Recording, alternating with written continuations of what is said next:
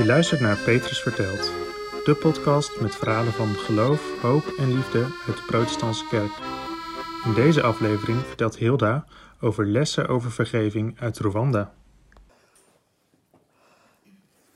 Ik kan ermee beginnen dat ik ben secretaris van de ZWO van de Ring Leeuwarden.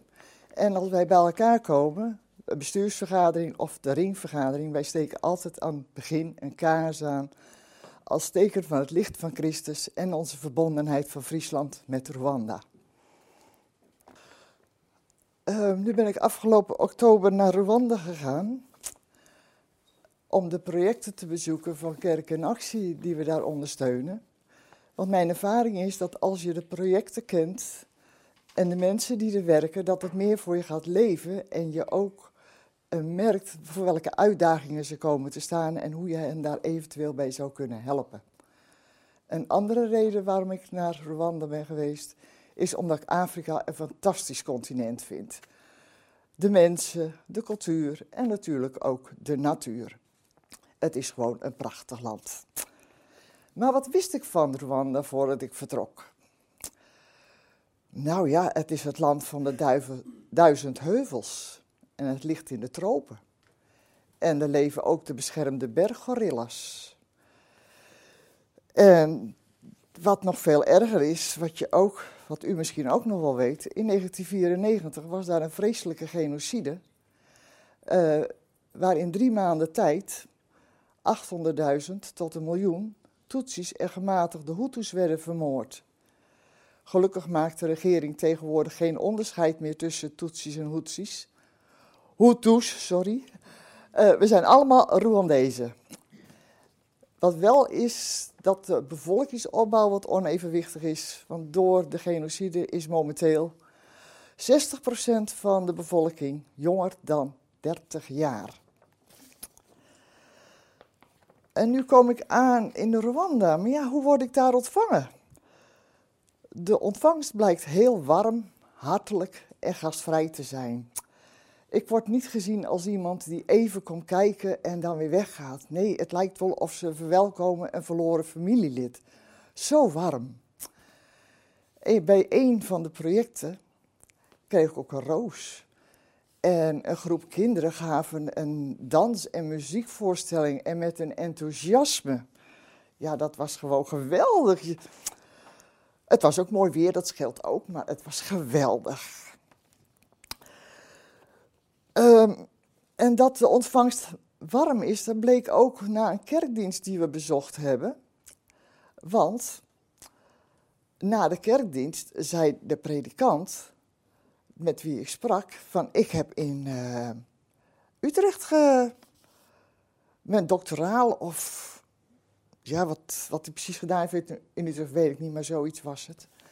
En ik ben geboren in de buurt van Utrecht en ik heb er op school gezeten. En hij zegt van, oh, we zijn dus buren. Nou, wat leuk.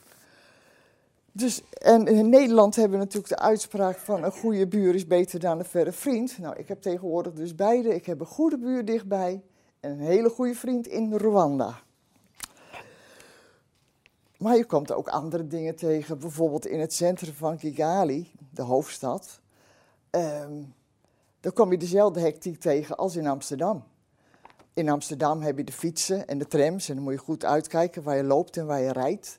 Nou, in Kigali zijn het de scooters, honderden. Ze passeren je links, ze passeren je rechts.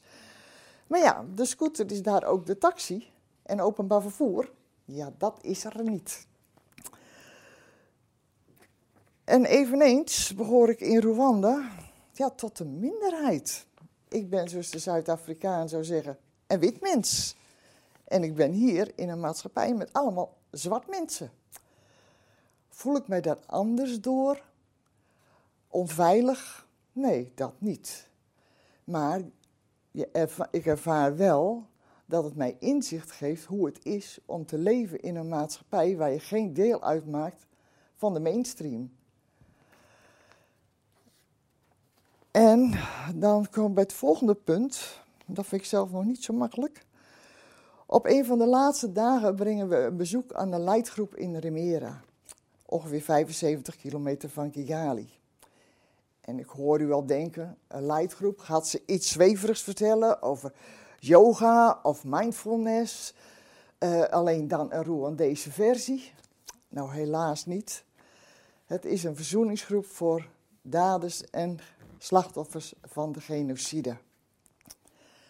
Pastor Jeroen, die uh, de leidgroep begeleidt, is predikant. En hij vertelde dat hij het heel moeilijk vond om te preken over vergeving en liefde als in de kerk heel veel mensen zitten die getraumatiseerd zijn door de genocide. En dat zowel daders als slachtoffers allebei in de kerk zitten. Hij heeft toen besloten om daders en slachtoffers uit te nodigen om ze te leren hoe om te gaan met conflicten. Want, zegt hij, conflicten horen bij de mens, maar geweld is een keuze. Deze leidgroep is gestart in 2009. En men komt deze dag bij elkaar. Nou kom ik daar in die zaal. Daar zitten meer dan 50 slachtoffers en daders bij elkaar. Vrouwen en mannen zitten om en om. En ik krijg te horen dat de vrouwen de slachtoffers zijn en de mannen de daders. Een onwerkelijke gewaarwording is als je ziet dat ze elkaar de hand vasthouden. En, dan moet je beseffen hoe onwerkelijk het eigenlijk is, omdat je eerst vijanden van elkaar was. En wat het nog intenser maakt, is als je later het verhaal hoort van zowel een dader als een slachtoffer. En hoeveel vertrouwen moet je dan wel niet hebben om elkaar de hand vast te houden? De eerste die haar verhaal vertelt is Venentie. In het begin van de jaren negentig ontstonden er spanningen tussen de Hutus en de Tutsis. En de regering deed niets of heel weinig om die spanningen weg te nemen. Toen de helikopter waarin de president zat van Rwanda, en hij was een Hutu, werd neergeschoten, kregen de Tutsis de schuld. En een populaire DJ riep de Hutus op om wraak te nemen op de Tutsis. Een ongekende slachtpartij volgde waarin de Hutus als beesten tekeer gingen. Heel veel Tutsis hebben geprobeerd een schuilplaats te vinden in de kerk. Maar zelfs daar waren ze niet veilig. Zelfs daar werden ze vermoord. En daarna komt Celestin aan het woord. En zijn eerste zin is: Ik ben een van die daders. Hij zei dat hij gedwongen werd door de regering om te doden. En hij vindt het nog steeds niet makkelijk om, om, om zijn daden onder ogen te zien. Na het uitzitten van zijn straf, toen kwam hij terug in zijn dorp. Maar hoe ga je om met je buren? Die slachtoffer zijn geworden van jouw daden. En hoe kijk je aan tegen het herinneringsmonument in het dorp, waar meer dan honderd slachtoffers begraven liggen? En waar je zelf mede verantwoordelijk voor bent geweest. Lijkt mij een heel moeilijk verhaal. En ook een schuldgevoel geven voor jezelf dat je dat gedaan hebt. Ik merkte dat als daders en slachtoffers in jouw bijzijn hun persoonlijk verhaal vertellen, het veel meer impact op mij had dan als ik het lees of op televisie zie. Ik word rechtstreeks aangesproken en ik kan mij niet verschuilen voor de boodschap met een opmerking van ja, dat heb ik gelezen, dat heb ik gehoord, dat heb ik gezien. En ik ga weer over tot de orde van de dag.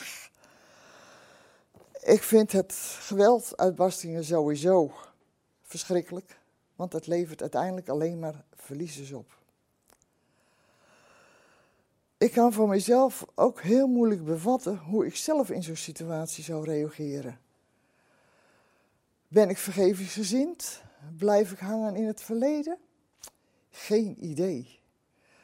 Ik zou het eerst zelf mee moeten maken. Maar hopelijk komt dat nooit op mijn pad.